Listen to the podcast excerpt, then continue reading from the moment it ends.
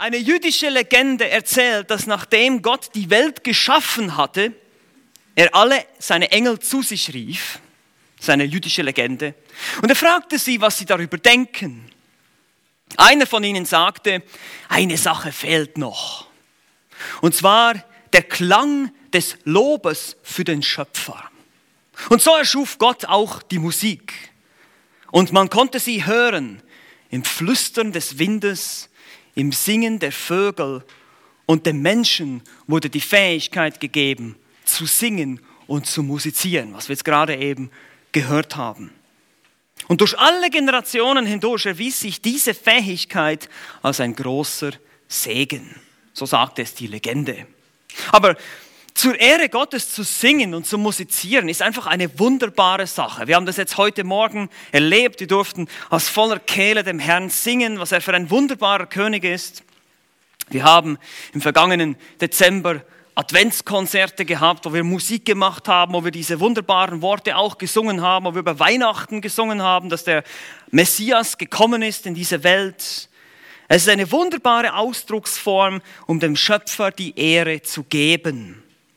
Und in dem Text, in dem wir heute, den wir heute betrachten wollen, ruft David selbst auf und sich selbst und die nächste Generation und die ganze Schöpfung in dieses Lob einzustimmen, in diesen Lobpreis Gottes.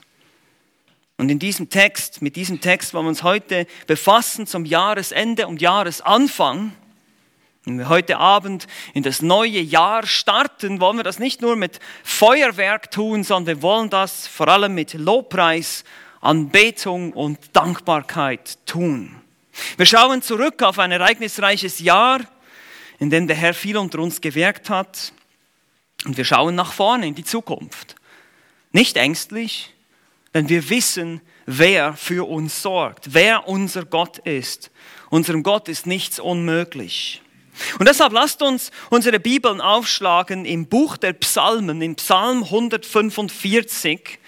Psalm 145. Wir wollen uns heute diesen Psalm anschauen und einfach ermutigt sein zu sehen, vor allem wie groß unser Gott ist, wie groß seine Herrschaft ist. Psalm 145 heißt es, ein Lobgesang von David. Ich will dich erheben, mein Gott, du König, und deinen Namen preisen immer und ewig. Jeden Tag will ich dich preisen und deinen Namen loben immer und ewig. Groß ist der Herr und sehr zu loben, und seine Größe ist unerforschlich. Ein Geschlecht wird dem anderen deine Werke rühmen, und deine Machttaten werden sie verkünden. Reden will ich von der herrlichen Pracht deiner Majestät und von deinen Wundertaten. Und sie werden sprechen von der Kraft deiner furchtbaren Taten und deiner Großtaten werde ich erzählen. Das Gedächtnis deiner großen Güte werden sie hervorströmen lassen und deine Gerechtigkeit jubelnd preisen. Gnädig und barmherzig ist der Herr, langsam zum Zorn und groß an Güte. Der Herr ist gut gegen alle und seine Erbarmungen sind über alle seine Werke. Alle deine Werke, Herr, werden dich loben und deine Frommen dich preisen. Sie werden sprechen von der Herrlichkeit deines Reiches und werden reden von deiner Macht, um den Menschenkindern kundzutun, seine Machttaten und die prachtvolle Herrlichkeit seines Reiches.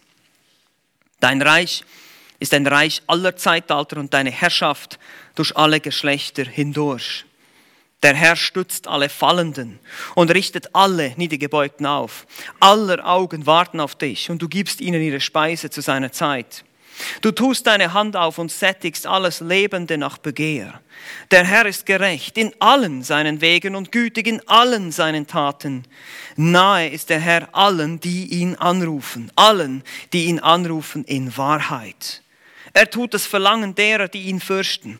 Ihr Schreien hört er und rettet sie. Und der Herr bewahrt alle, die ihn lieben, und alle Gottlosen vertilgt er. Mein Mund soll das Lob des Herrn aussprechen. Und alles Fleisch preise seinen heiligen Namen immer und ewig. Bis hierher. Nun lasst mich euch ganz kurz sagen, was die Psalmen sind. Das Buch der Psalmen ist letztlich ein Gesangsbuch. Es ist das Gesangsbuch Israels. Wir finden darin eine Fülle von Gedichten, Liedern von verschiedensten Autoren, von David über Asaph und viele andere. Es ist gefüllt, prall gefüllt mit Theologie, mit Wahrheiten über Gott, aber auch Erfahrungen kämpfend mit verschiedenen praktischen Angelegenheiten des Glaubenslebens. Es ist eine Sammlung zusammengestellt über einen Zeitraum von ungefähr 900 Jahren. Und so erzählen die, die Psalmisten über ihre Erfahrungen mit Gott, über Gefühle, über Leid, Trauer, Freude, all diese Aspekte des Lebens, die wir auch alle kennen. Und deshalb ist uns das Buch des, der Psalmen so, so lieb. Ich meine, wir alle gehen gerne ins Buch der Psalmen, vor allem wenn wir Trost brauchen, wenn wir niedergeschlagen sind. Die Psalmen richten uns auf. Sie geben uns wieder eine Perspektive auf den Herrn. Sie zeigen uns aber nicht eine, eine, eine rosa Welt, wo alles in Ordnung ist und Liebe, Freude, Friede, Kuh, äh, wie sagt man, Liebe, Friede, Freude, Eierkuchen, irgendwie sowas herrscht. Ich bin noch etwas müde hier. Ähm, aber wir sehen ein realistisches Bild. Ein Bild, wo es eben auch mit Leid, mit Schmerzen, mit solchen Dingen, wo man damit kämpft und damit zum Herrn geht sein Herz ausschüttet. Und genau das tun die, Psalmen, die Psalmisten und sie wollen uns natürlich auch dazu ermutigen. Es ist eine faszinierende Mischung aus Emotionen, Elend, aber auch Glauben und Vertrauen und natürlich letztlich immer wieder Anbetung und Lobpreis. Anbetung und Lobpreis. Unser Psalm 145 hier ist sozusagen das ABC der Anbetung Gottes. Warum? Nun, ihr könnt das nicht sehen im deutschen Text, aber im hebräischen Text beginnt jeder Vers mit, einem, mit dem nächsten Buchstaben des Alphabets, des hebräischen Alphabets. Er geht also durch, Aleph, Bet, Gimel, Dalet und so weiter. So wie wir A, B, C, D und jeder Vers beginnt mit diesem Anfangsbuchstaben. Dieser Psalm wird auch die letzten Worte Davids genannt, obwohl das eher kanonisch ist, nicht historisch. Also in der Bibel hier finden wir diese Worte, es sind die letzten Worte Davids. Und jüdische Rabbis rezitierten diesen Psalm dreimal täglich.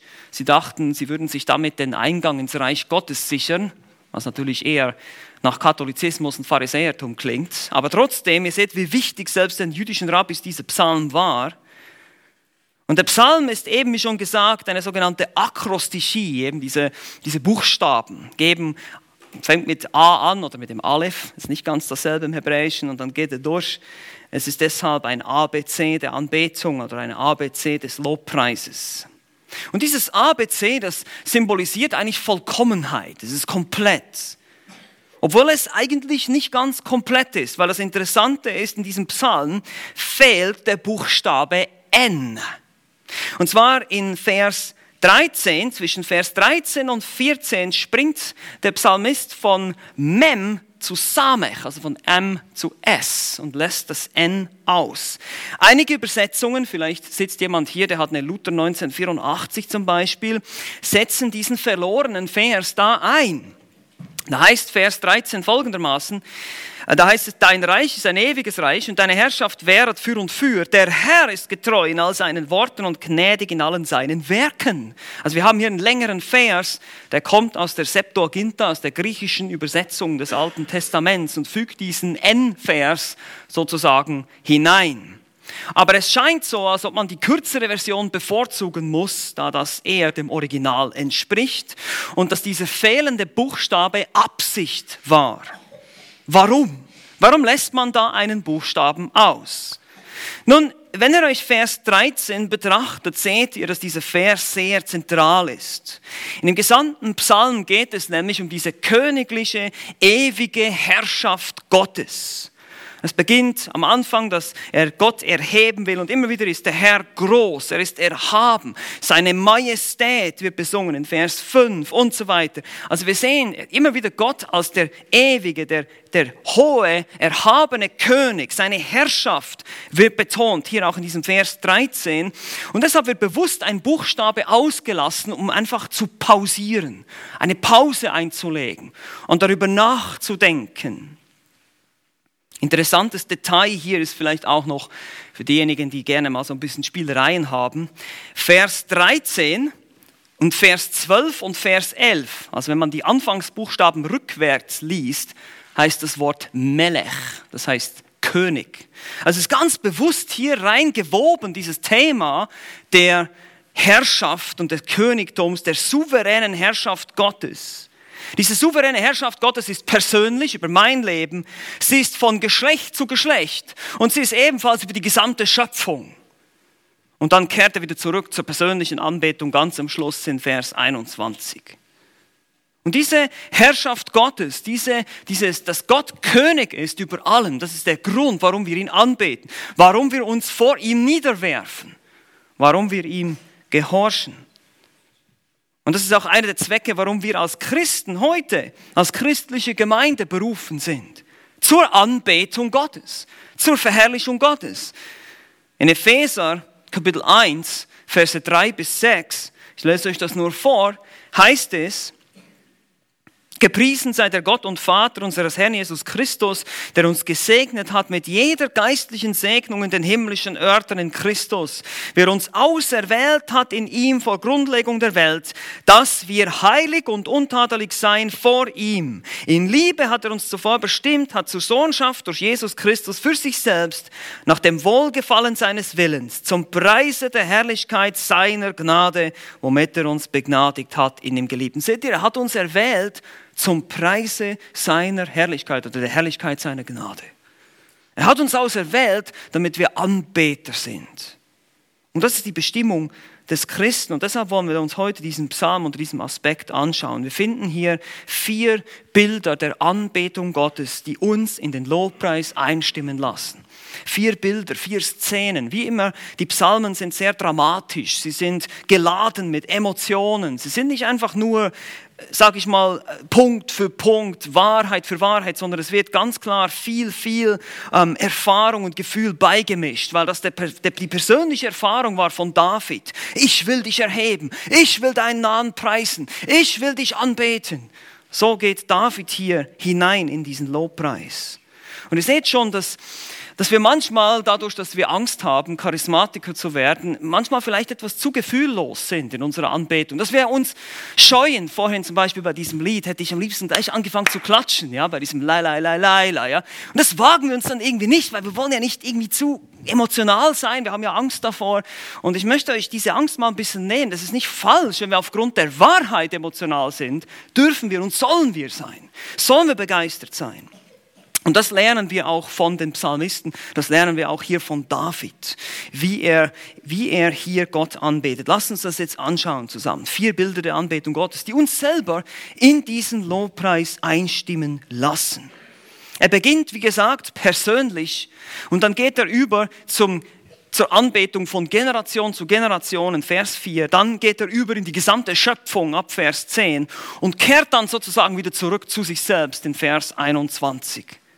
Also lasst uns das erste anschauen. Das erste Bild hier ist die persönliche Anbetung Gottes. Die persönliche Anbetung Gottes in Versen 1 bis 3.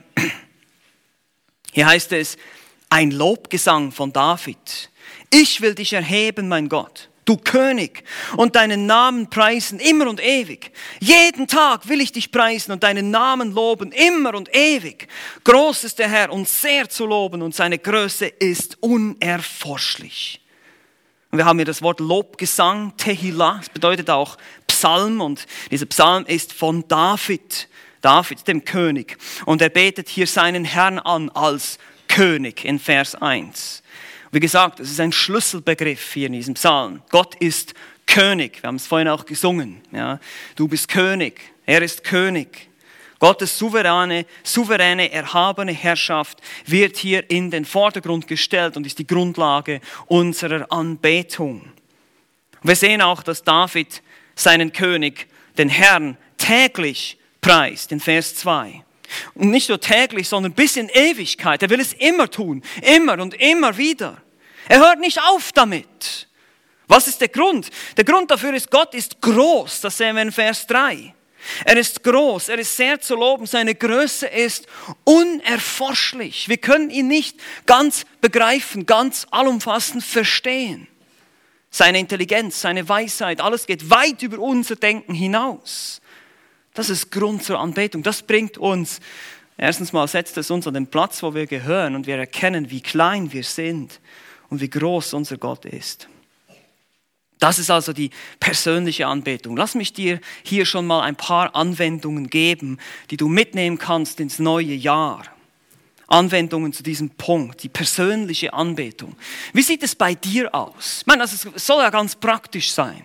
Wie sieht es bei mir, bei dir aus im persönlichen Leben? Nur erstens, erste Lektion. Wir beten Gott persönlich an, weil er unser persönlicher König und Herr ist. Das ist das Erste, was wir hier lernen.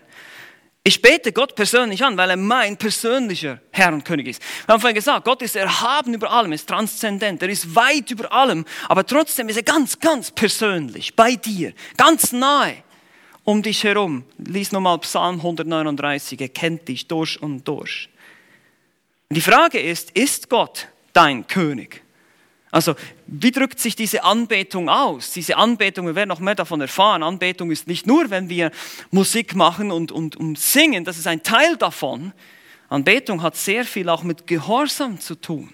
Unterwerfung, Hingabe. Eben, Gott ist mein König. Jesus hat gesagt, was nennt er mich? Herr, Herr, tut nicht, was ich sage. Anbetung ist Hingabe. In Römer 12 heißt es, ich ermahne euch Brüder, durch die Erbarmungen Gottes eure Leiber darzustellen als ein lebendiges, heiliges, Gott wohlgefälliges Schlachtopfer. Dies sei euer vernünftiger was? Gottesdienst. Also bei der, bei der Anbetung geht es um mehr als nur das Singen, sondern eben auch das Hingeben, das sich hingeben. Das ist das Erste. Er ist König, deshalb bete ich ihn an. Zweitens, zweite Lektion. Wir beten Gott persönlich täglich an. Das ist auch ein ganz wichtiger Punkt hier in Vers 2. Nicht nur am Sonntag, sondern jeden Tag, jeder Tag ist Gottesdienst. Jeder Tag, bis in Ewigkeit, sagt er hier. Paulus sagt in 1. Thessalonicher 5, betet unablässig, Dank sagt in allem. Denn dies ist der Wille Gottes in Christus Jesus für euch. 1. Thessalonicher 5, 17 bis 18. Die Frage ist, tun wir das? Tu ich das? Tust du das? Täglich beten wir Gott an täglich, loben wir ihn täglich, danken wir ihm täglich. Ich kann euch sagen, das ist das beste Mittel gegen miese Laune. Wenn ihr täglich betet und dankt und Lob singt und sagt, Herr, ich danke dir für mein Bett, ich danke dir für mein Haus oder meine Wohnung, ich danke dir für meine Arbeit, ich danke dir, dass es mir gut geht, das ist ein Mittel gegen Depression und miese Laune. Danken und loben, lasst uns damit beginnen. Lasst uns mit Dank und Lob beginnen in unseren Gebeten. Nicht, Herr, bitte gib mir das und Herr, ich möchte dieses haben und Herr, ich muss das haben, damit ich zufrieden sein kann. Nein, musst du nicht. Alles, was du brauchst, ist der Herr selbst. Lass dir an seiner Gnade genügen und danke ihm dafür. Danke ihm für deine Rettung, für die Gnade, mit der er dich jeden Tag überhäuft, die Barmherzigkeit, die Geduld. Wir lesen hier noch davon, dass der Herr barmherzig und gnädig ist, jeden Tag mit uns. Das ist das Zweite. Das dritte hier, dritte Anwendung, wir beten Gott persönlich an, weil er unerforschlich groß, herrlich und erhaben ist. Wir machen uns das, wir machen uns das unsere tägliche Meditation, wenn ich das mal so brauchen darf, dieses Wort, ja. Nachdenken, nachsinnen, unerforschlich, groß und herrlich. Wir haben es gerade auch gesungen. Die Sterne sind eine kleine Zahl für ihn. Ja, Nationen sind nur ein Tropfen an einem Eimer für ihn. Sandkorn am, am Meeresstrand. Es ist nichts, er ist so viel größer. Und das soll unser Tag ein und Tag aus, unser Denken prägen. Wie schon gesagt, oft jammern wir wie schlecht es uns geht, anstatt dass wir uns darüber freuen, dass wir diesen erhabenen, unerforschlichen, großen, herrlichen Gott kennen dürfen und dass er dich kennt persönlich in einer errettenden Art und Weise, wenn du Christ bist. Ihr seht, diese Perspektive soll uns begleiten ins neue Jahr. Nicht, was ich alles habe und nicht habe und was ich alles möchte, sondern viel lieber, was der Herr ist und wie ich ihn anbeten kann. Und schließlich viertens, deshalb gebührt Gott Anbetung von mir persönlich. Das ist der Punkt hier. Wie gesagt, wir kommen zusammen am Sonntagmorgen, um Gott gemeinsam anzubeten und zu loben, aber es geht hier vielmehr darum, dass Anbetung ein Lebensstil ist, ein Leben für Gott. Die Frage ist, ist Gott und sein Wort die treibende Kraft in deinem oder meinem Leben? Ist das, was mich antreibt, wenn ich morgens aufstehe? Was ist das Erste, was ich anschaue? Ist es der Screen von meinem Smartphone oder ist es Gottes Wort? Ich muss mich hinterfragen. Was schaue ich als erstes an? Was nehme ich als erstes in die Hand? Wo ist, was sind meine Prioritäten? Wie viel Zeit verwende ich für welche Dinge? Zum Beispiel auch, um über Gottes Wort nachzudenken oder ihn anzubeten und einfach zu loben. Wie gesagt, das ist die beste Medizin gegen schlechte Laune im neuen Jahr. Persönliche Anbetung. Aber das ist noch nicht alles. Wir sehen hier noch viel mehr. Das ist das erste Bild, was uns hier einstimmen soll und motivieren soll. Das zweite ist die Anbetung Gottes für die nächste Generation. Haben wir schon gesagt. David erweitert das Ganze jetzt zur nächsten Generation in Versen 4 bis 9. Hier heißt es, ein Geschlecht wird dem anderen deine Werke rühmen und deine Machttaten werden sie verkünden. Reden will ich von der herrlichen Pracht deiner Majestät und von deinen Wundertaten. Und sie werden sprechen von der Kraft deiner furchtbaren Taten und deine Großtaten werde ich erzählen. Das Gedächtnis deiner großen Güte werden sie hervorströmen lassen und deine Gerechtigkeit jubelnd preisen. Gnädig und barmherzig ist der Herr, langsam zum Zorn und groß an Güte. Der Herr ist gut gegen alle und seine Erbarmungen sind über alle seine Werke. Seht ihr, wie oft er sich da wiederholt? Gott ist gut, er ist majestätisch, seine Wundertaten, seine Machttaten. Wir sehen, wie David nun aber diesen Lobpreis auf die nächste Generation ausweitet. Gottes Werke und Taten sollen weiter erzählt werden. Von Generation zu Generation.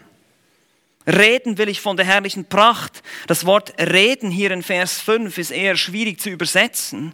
Vielleicht gibt es da unterschiedliche Übersetzungsversionen, aber es bedeutet so viel wie nachsinnen und meditieren eigentlich. Wirklich ein intensives Nachdenken. Das kann aber auch laut sein, indem ich das vor mich hinsage. Das ist die Idee dieses hebräischen Verbs. Ich will davon reden. Ich will gleichzeitig, wenn ich, wenn ich rede, will ich darüber nachsinnen. Lass mich reden, lass mich nachsinnen. Er, er spornt sich hier eigentlich selber an. Das ist die Verbform, deutet das an hier. Und dann in den Versen 6 bis 7 sehen wir, dass diese nächste Generation dann eben auch davon sprechen wird. Sie werden förmlich übersprudeln, heißt es. Einige Übersetzungen sagen hervorströmen in Vers 7, eine, eine Art übersprudelnde Art des Redens. Sie werden so begeistert sein von diesem wunderbaren Gott, dass sie einfach übersprudeln vor Begeisterung. Das ist die Idee hier. Und schließlich zitiert David auch noch einen Teil, es ist ein eher freies Zitat hier aus 2. Mose 34,6. Gnädig und barmherzig ist der Herr, langsam zum Zorn, groß an Güte. Das ist dieses Bekenntnis oder diese, ja, was immer wieder kommt. 2. Mose 34, Vers 6 heißt es, der Herr, der Herr, der starke Gott, der barmherzig und gnädig ist, langsam zum Zorn und von großer Gnade und Treue. Wir sehen das immer wieder im Laufe der Geschichte im Alten Testament. Das ist die, die Situation, wo Mose nicht Gottes Angesicht und Herrlichkeit sehen kann. Er möchte das zwar, aber er kann Gott sozusagen nur hinterher schauen. Sein, sein, seine Herrlichkeit man muss sich das vorstellen wie so ein großer Lastwagen, der vorbeifährt also diese Staubwolke. Und das ist diese Staubwolke der Herrlichkeit, die Mose nur anschauen darf, nicht den Lastwagen selbst. Also die gesamte Herrlichkeit darf er gar nicht sehen, können wir gar nicht sehen als sterbliche Geschöpfe. Und so sehen wir das immer wieder im Alten Testament, dieses Bekenntnis zur Gnade, dass Gott langsam zum Zorn ist, barmherzig und gnädig ist, in Nehemia 9, 17, im Psalm 86 oder sogar in Jona, Kapitel 4. Jona regt sich aber darüber auf, dass Gott barmherzig ist, aber selbst da zitiert er genau dieses Bekenntnis zu Gottes Güte und Gnade. Es ist eine zentrale Stelle im Alten Testament. Gottes Güte wird dann auch deutlich in Vers 9. Da heißt es, der Herr ist gut gegen alle.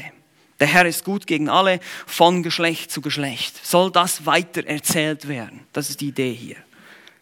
Und lass uns nochmal über Anwendungen sprechen hier. Was können wir tun? Was, was sollen wir, worüber sollen wir nachdenken, wenn wir diese Verse 4 bis 9 hier vor uns haben? Und das Erste, was ich mir die Frage stelle, ist, sind wir Vorbilder? Bin ich ein Vorbild vor allem, wenn es um eine Anbetung geht für die nächste Generation. Können deine Kinder ablesen, was du anbetest? Oder die Kinder der Gemeinde, muss nicht deine, müssen nicht immer nur deine eigenen Kinder sein. Ich spreche hier allgemein von der nächsten Generation. Kann man unseren täglichen Wandel, eine, Bege eine Begeisterung, eine Verehrung Gottes ablesen? Sieht man das? Oder leben wir nur so, als würde Gott nur am Sonntagmorgen existieren? Das ist die Frage. Zweitens, lassen wir etwas zurück für die nächste Generation. Das ist ein ganz wichtiger Punkt, wo wir vielleicht mal nicht immer so oft darüber nachdenken. Hinterlassen wir ein Erbe. Ich meine damit nicht Geld oder Besitz, sondern ein geistliches Erbe.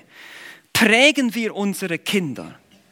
Schriftliche Dokumente, vielleicht Tagebücher, ähnliches, welche von der Herrlichkeit und unserer persönlichen Anbetung sprechen. Gebetsbücher, die schriftlich verfasst sind, die unsere Kinder vielleicht mal lesen können. Hinterlassen wir etwas für die nächste Generation, das sie prägen kann. Und ein anderer wichtiger Punkt hier ist, wir sehen in diesem Vers, in diesem Abschnitt hier, Verse 4 bis 9, dass der Kanon der Schrift hier bereits bekannt war. Es ist ein etwas, geht jetzt ein bisschen weg von der normalen Anwendung hier, aber wir sehen oft, dass das Neue Testament das Alte zitiert und hier sehen wir, das Alte Testament zitiert das Alte. Ich habe schon gesagt, äh, David bezieht sich hier auf 2. Mose.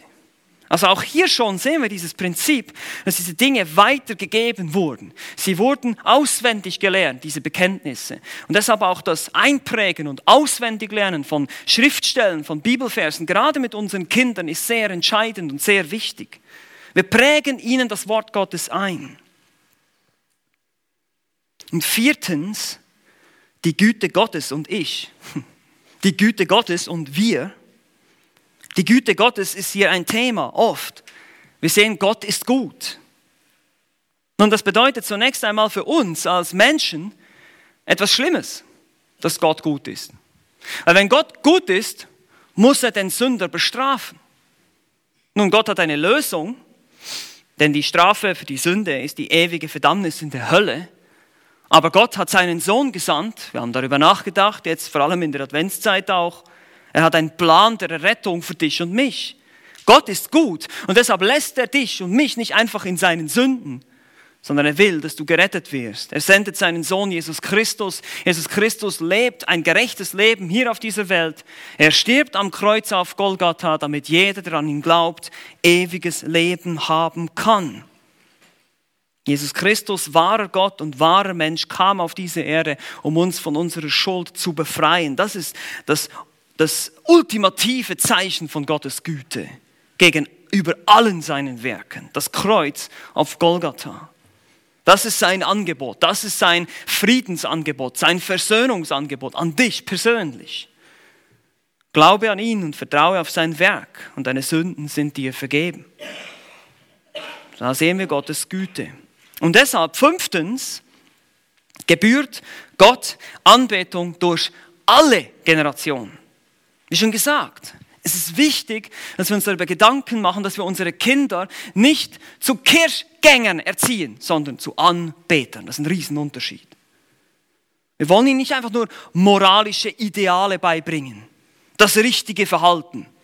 Ja, dass sie alle schön brav da sitzen können. Das ist schön, wenn sie das können. Ich, ich übe das auch mit meinen Kindern, das ist überhaupt nichts Schlechtes. Ich will das nicht jetzt irgendwie äh, abwerten, aber versteht mich richtig, es geht nicht nur um dieses Äußerliche. Es geht darum, dass wir ihnen das Wort Gottes einschärfen, wie es heißt in 5. Mose. Wir wollen ihnen das Evangelium bringen. Wir wollen ihnen das natürlich in erster Linie vorleben. Wenn du das selber nicht lebst, kannst du es deinen Kindern auch nicht beibringen, bist du auch nicht ernst zu nehmen. Weil ihre Herzen sind verdorben und sie brauchen Erlösung in Jesus Christus. Das Ziel ist, das Ziel ist, dass sie Gott anbeten. Ja, dass sie Gott an. Das ist ein Problem der Anbetung, was wir alle haben und unsere Kinder auch, unsere nächste Generation. Entweder beten sie sich selbst an oder sie beten Gott an. Und wir müssen ihnen helfen, in diese Richtung sie zu prägen, dass sie Gott anbeten. Mehr zu sein als nur brave Staatsbürger oder harte Arbeiter oder irgend sowas. Nee, vor allem Anbeter Gottes. Und das ist unsere Pflicht, diese nächste Generation zu prägen. Und die Frage ist, ist uns das wirklich bewusst? Sehen wir das so? Ein Geschlecht soll dem anderen die Werke rühmen. Wir sollen von diesen Werken, von diesen Großtaten Gottes begeistert sein und weitererzählen. Als Eltern natürlich zunächst mal müssen wir persönlich jeden Tag diese, in dieser Anbetung Gottes leben und das unseren Kindern vorleben. Dann sollen wir unseren Kindern das Wort lehren. Ich sage immer, nehmt eure Kinder von den Computerspielen weg und lehrt ihnen das Wort Gottes. Nehmt sie mit in den Gottesdienst, in die Bibelstunde, in den Hauskreis, lasst sie das Wort Gottes hören. Bringt sie mit in die Jungschar, in die Jugend, da überall wird das Wort Gottes verkündigt und gelehrt. Bei uns zumindest. Und das ist wichtig, nehmt sie mit, geht mit ihnen. Geht mit ihnen auf diesen Weg, ihr Eltern. Oder auch diejenigen, die hier in der Gemeinde sind, die vielleicht keine eigenen Kinder haben. Ihr könnt auch Kinder prägen, ins Gespräch kommen mit ihnen. Sie sind hier unter uns. Sie müssen das Wort Gottes hören, die nächste Generation prägen. Also Anbetung Gottes, vier Bilder. Erstens persönliche Anbetung, zweitens Anbetung Gottes für die nächste Generation. Drittens Anbetung Gottes aufgrund der Schöpfung. Aufgrund der Schöpfung. Das ist ein längerer Abschnitt hier, die Verse 10 bis 20. Alle deine Werke, Herr, werden dich loben und deine Frommen dich preisen. Sie werden sprechen von der Herrlichkeit deines Reiches und werden reden von deiner Macht, um den Menschenkindern kundzutun, seine Machttaten und die prachtvolle Herrlichkeit seines Reiches. Dein Reich ist ein Reich aller Zeitalter und deine Herrschaft durch alle Geschlechter hindurch. Der Herr stützt alle Fallenden und richtet alle Niedergebeugten auf. Aller Augen warten auf dich und du gibst ihnen ihre Speise zu seiner Zeit. Du tust deine Hand auf und sättigst alles Lebende nach Begehr. Der Herr ist gerecht in allem seinen Wegen und gütig in allen seinen Taten. Nahe ist der Herr allen, die ihn anrufen, allen, die ihn anrufen in Wahrheit. Er tut das Verlangen derer, die ihn fürchten. Ihr Schreien hört er und rettet sie. Der Herr bewahrt alle, die ihn lieben, und alle Gottlosen vertilgt er. David beginnt hier mit alle deine Werke, hier in Vers 10. Alle deine Werke. So wie auch am Ende von Vers 9 heißt es bereits schon, über alle seine Werke ist Gott barmherzig. Das ist hier wieder ein weiterer Punkt, ein, eine, eine größere Ausweitung, nicht nur die nächste Generation, sondern alle seine Werke, alles, allumfassend. Alles, was Gott geschaffen hat, schuf er zu seiner eigenen Verherrlichung. Und die frommen oder getreuen, wie es einige Übersetzungen auch sagen, hier sind natürlich die Gläubigen. Sie werden davon erzählen. Sie sprechen von der Herrlichkeit seines Reiches in der ganzen Schöpfung. Oder auch die Machttaten in Vers 12, die prachtvolle Herrlichkeit deines Reiches. Und dieses Reich hier, Malkut, also das hebräische Wort, ist der Herrschaftsbereich Gottes. Sein Reich ist nicht nur ein kommendes Reich, sondern ein jetzt schon Reich. Es ist jetzt bereits hier und Gott herrscht jetzt, hier und jetzt, souverän über das gesamte Universum. Das bestätigt auch Vers 13. Hier heißt es, dein Reich ist ein Reich für alle Ewigkeiten und deine Herrschaft währt durch alle Geschlechter. Ich habe schon gesagt, dieser Vers ist sehr zentral hier. Es ist wie gesagt der M Vers, der Mem-Vers, beginnt mit dem Wort Malkut, also eben Königreich, dein Königreich. Und danach springt er direkt in den sogenannten Samech-Vers, den S-Vers, und lässt den nun aus, um diese gewollte Betonung zu machen hier. Gott herrscht immer. Sein Reich ist ein ewiges Reich, es ist durch alle Geschlechter, es ist immer da. Gott hat nie die Kontrolle über seine Schöpfung verloren. Auch beim Sündenfall nicht.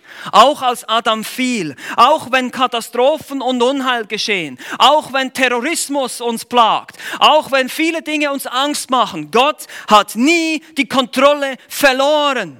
Er herrscht über alles. Das macht er hier deutlich. Psalm 135, Vers 6. Alles, was dem Herrn gefällt, tut er. In den Himmeln, auf der Erde, in den Meeren und in allen Tiefen, überall tut er, was ihm gefällt. Amos 3, Vers 6. Geschieht ein Unglück in der Stadt und der Herr hätte es nicht bewirkt. Gott ist souverän. Der Herr hat alles zu seinem Zweck gemacht und auch den Gottlosen für den Tag des Unglücks, Sprüche 6, Vers 4. Gott hat nie die Kontrolle über seine Schöpfung verloren. Und nun zurück zu Psalm 145. Wir sehen jetzt hier in den Versen 14 bis 20 die Auswirkungen dieser Herrschaft über seine Schöpfung. Gott ist der Versorger aller. Gott hilft den Fallenden und Niedergeschlagenen, Vers 14. Er gibt allen Kreaturen ihr Essen, Verse 15 bis 16. Gott beantwortet Gebete, Vers 18 und 19, und er bewahrt seine Getreuen, Vers 20. Er ist gerecht und gütig, oder besser, er ist treu.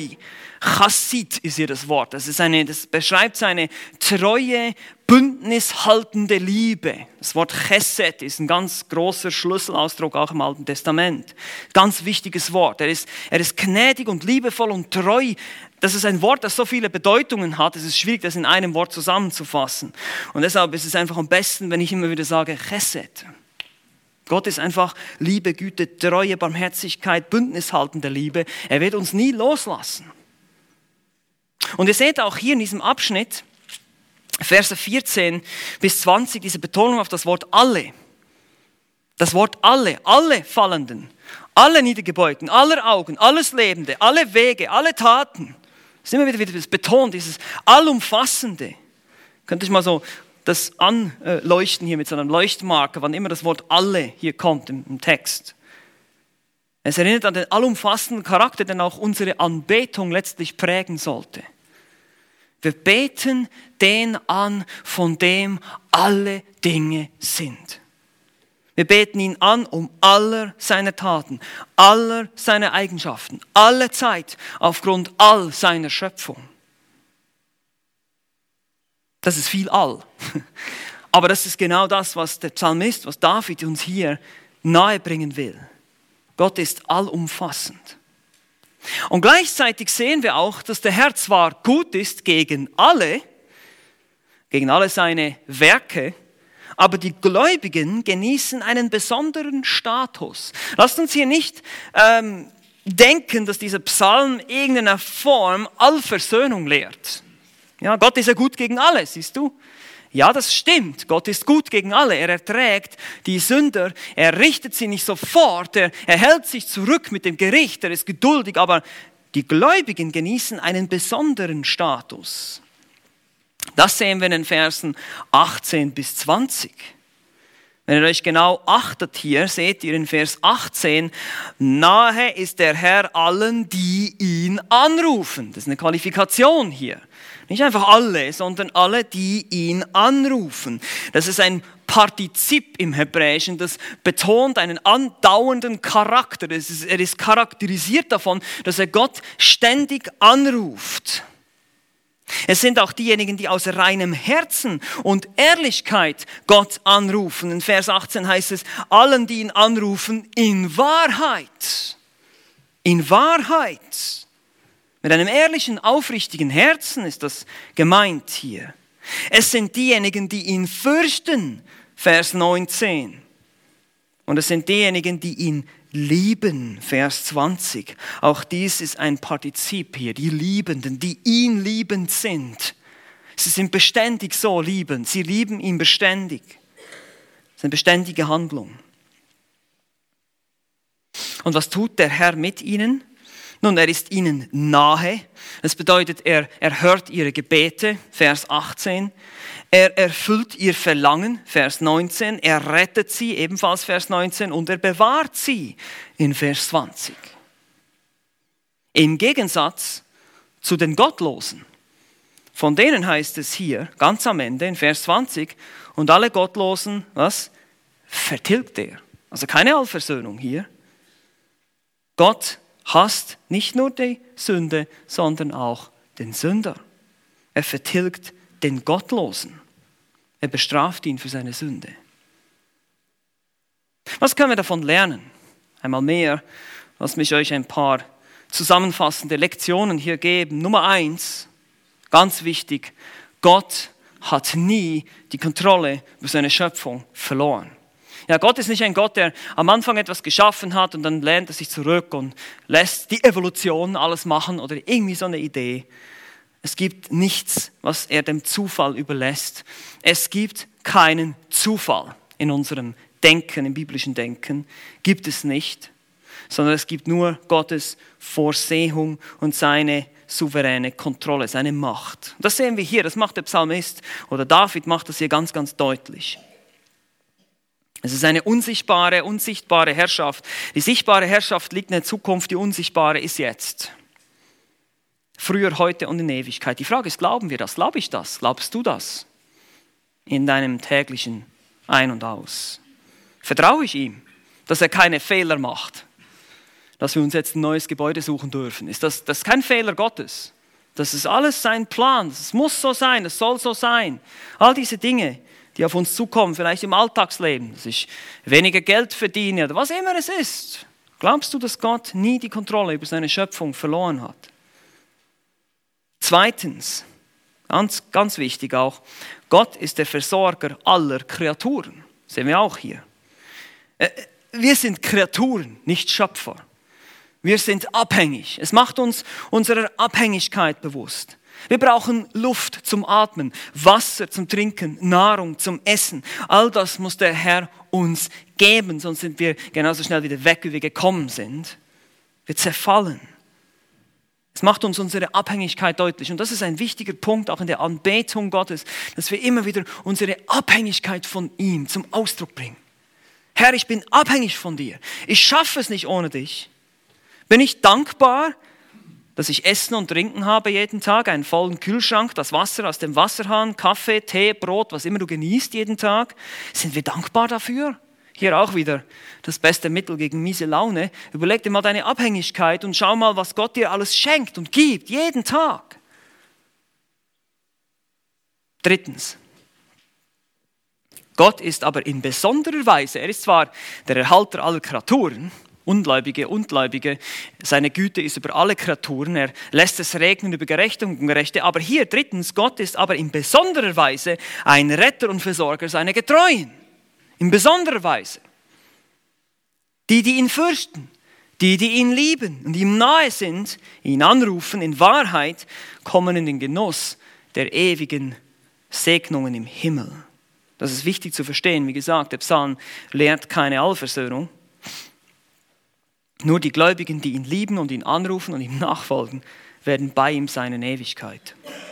Und deshalb, wenn du heute hier bist und noch nicht Buße getan hast und den Herrn Jesus Christus noch nicht als deinen Herrn und Erlöser angenommen hast, noch nicht umgekehrt bist von deiner Sünde, dann tu es jetzt, tu es heute. Dann kommst du auch in den Genuss nicht nur der täglichen Versorgung Gottes durch die allgemeine Gnade, sondern eben auch durch seine besondere Gnade, die nur seinen Getreuen vorbehalten ist. Und warum? Warum ist das wichtig zu verstehen? Und viertens, was wir auch lernen hier ist, Gott vertilgt und hasst den Sünder. Und wir müssen verstehen, Gott ist ein heiliger Gott. Gott ist gütig und barmherzig. Wir haben es etliche Male gelesen hier. Aber er ist gut. Das heißt, er ist vollkommen gut. Er ist vollkommen heilig. Es gibt keine Sünde. Es gibt nichts Unreines in ihm. Und deshalb verträgt sich alles Böse, alles Unreine, alles Bösartige nicht mit seiner Heiligkeit. Es darf nicht in seine Gegenwart kommen. Er muss es richten. Er muss das Böse bestrafen, sonst wäre er kein gerechter Gott. Gott ist gut gegen alle, aber nicht für immer. Er wird eines Tages richten, er wird eines Tages abrechnen. Und deshalb können wir Buße tun, sollen wir Buße tun, umkehren und Christus annehmen als unseren Herrn und Erlöser, dass er uns unsere Sünden vergibt und uns reinigt von aller Ungerechtigkeit. Und da können wir noch lange hier sitzen in der Gemeinde oder Bibel lesen, was auch immer, wenn wir das nicht persönlich in unserem Herzen festmachen, wenn ich nicht persönlich ein Anbeter Gottes werde und bin, mich nicht persönlich diesem Gott unterwerfe, kann mich nichts anderes Äußerliches retten. Das müssen wir uns bewusst sein. Dein Glaube und deine Anbetung gegenüber Gott ist eben auch persönlich. Kommen wir gleich noch dazu. Fünftens, wie gesagt, deshalb gebührt ihm Anbetung von und aufgrund der gesamten Schöpfung. Es ist relativ simpel. Er hat alles gemacht. Er versorgt alles und alle. Er ist die Quelle, der Anfang und das Ende von allem und deshalb gebührt ihm auch genau das Lob von und allen. Das ist relativ simpel zu verstehen. Ihm allein gebührt daher das Lob und die Herrlichkeit, dass wir ihn verherrlichen, dass seine ganze Schöpfung ihn preist und lobt. Aber wie gesagt, wir haben vier Bilder hier. Das erste war die persönliche Anbetung Gottes. Das zweite haben wir angeschaut, die Anbetung für die nächste Generation. Das dritte für die ganzen, aufgrund der ganzen Schöpfung. Und jetzt viertens nenne ich es die Rückkehr zur persönlichen Anbetung. Die Rückkehr. Der letzte Vers hier im Psalm 145 kommt er, nachdem er eben über die nächste Generation und auch über die gesamte Schöpfung gesprochen hat und Gott gelobt hat für all diese Dinge, kommt er zurück, kommt David zurück zu seinem persönlichen Lobpreis. In Vers 21 sagt er, mein Mund soll das Lob des Herrn aussprechen und dann nochmal wiederum generell für alle und alles Fleisch preise seinen heiligen Namen immer und ewig. David kehrt zurück zur persönlichen Verpflichtung. Er hat begonnen mit dieser Aufforderung, ich will dich erheben heißt es in Vers 1. Und in Vers 21, mein Mund soll das Lob. Also er, er nimmt sich selbst hier in die Verpflichtung. Er entscheidet sich ganz bewusst dafür. Mein Mund soll das Lob des Herrn aussprechen. Er benutzt dasselbe Wort Lob hier, Tehillah, was auch am Anfang mit Loblied übersetzt wird. Ganz am Anfang im Titel des Psalms heißt es ein Lobgesang Davids. Es ist dasselbe Wort hier wie dieses Wort Lob. Also es geht hier wirklich auch um eine Aufforderung zum Singen, zum Musizieren, zum Lobpreis. Und er ruft noch einmal zu globalem Lobpreis auf und Anbetung. Alles Fleisch, heißt es hier, soll Gott preisen. Man kann hier natürlich den, den endzeitlichen Charakter nicht übersehen, diese Idee hier, weil im Moment ist es nicht so, dass alles Fleisch Gott lobt, aber eines Tages wird es so sein. Wenn Christus kommt in seiner Herrlichkeit, auch das haben wir heute Morgen schon gesehen, der Endzeitrede Jesu, wenn er kommt in seiner Herrlichkeit, werden, werden alle ihn preisen und alle vor ihm niederfallen. Und er wird sein Friedensreich bringen, ein ewiges Reich, das jetzt schon ist, aber sichtbare Herrschaft bringen wird. Und alles, tatsächlich alles Fleisch wird den Herrn loben für immer.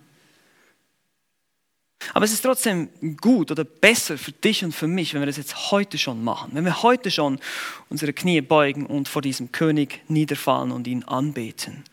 Dann wirst du nicht in das kommende Gericht kommen. Was ist die Anwendung hier? Erstens, lobe Gott jetzt. Lobe Gott jetzt hier und heute, warte nicht länger. Wenn du kein Christ bist, tu Buße und lobe Gott. Wenn du Christ bist, dann beginn das zu, deinem, äh, zu deiner täglichen Gewohnheit zu machen. Gott beständig zu loben und zu preisen in jeder Lebenslage. Und ich weiß, es ist nicht einfach manchmal. Ich weiß, es gibt Lebenssituationen, wo es schwierig ist. Aber glaub mir, Gott können wir immer loben, in jeder Lebenslage. Lobe Gott jetzt. Zweitens, benutze deinen Mund. Benutze, seht ihr, was er sagt? Mein Mund soll das Lob des Herrn aussprechen, sagt David. Drücke dein Lob verbal aus. Lerne laut zu beten, laut zu loben, zu preisen, auch wenn du alleine bist. Ich weiß, manchmal kommt man sich da ein bisschen verrückt vor, aber das ist okay, das ist gut. Wir sollen laut loben. Das hilft. Es hilft uns gedanklich bewusster und konzentrierter zu beten und das zu tun. David fordert sich selbst auf, mein Mund soll das tun. Wenn das Herz voll ist, dessen sprudelt der Mund über. Wenn du im Herzen voll bist von Lob und Anbetung, dann kannst du gar nicht anders, als dass das rauskommt.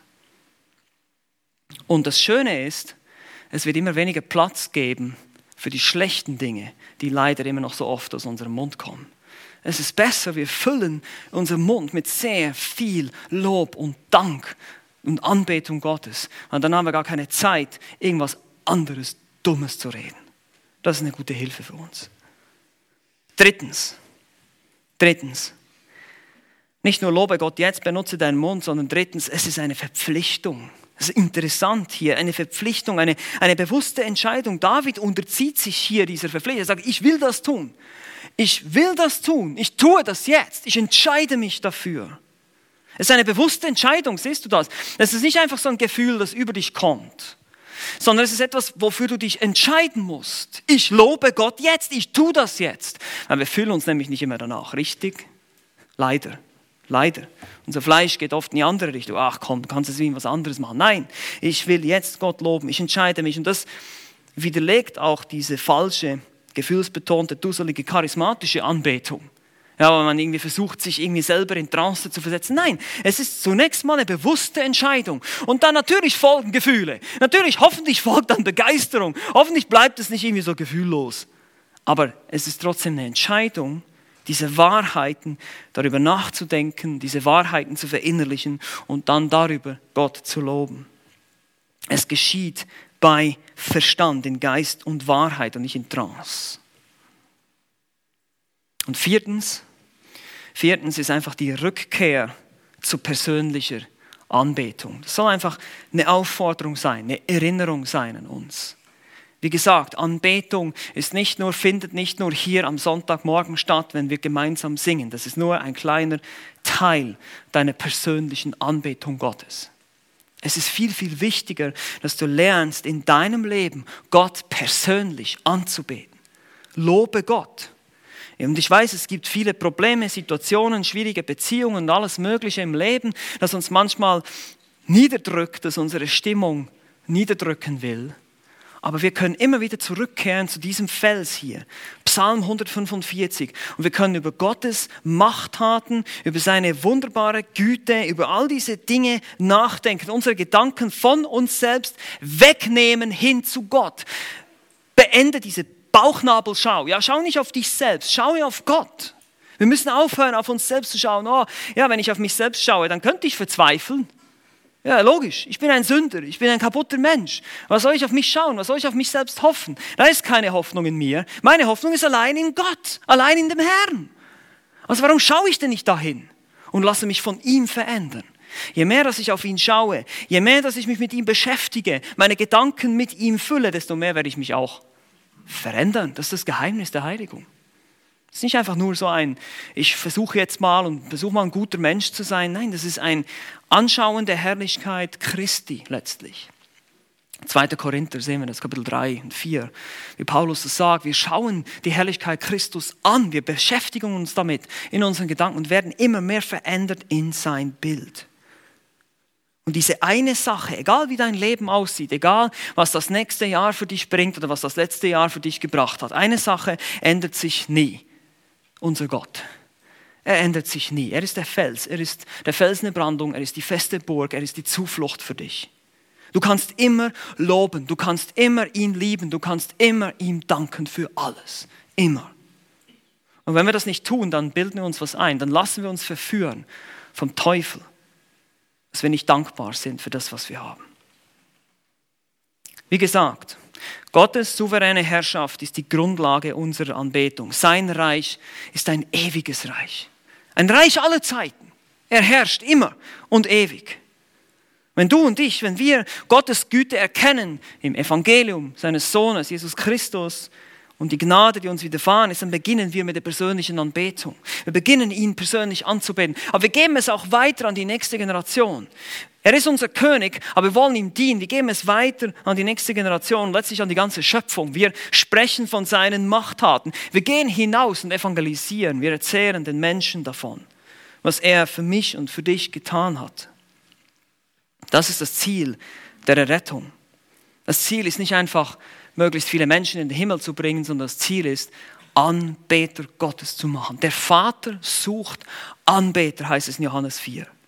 Wir wollen, dass Menschen Gott anbeten.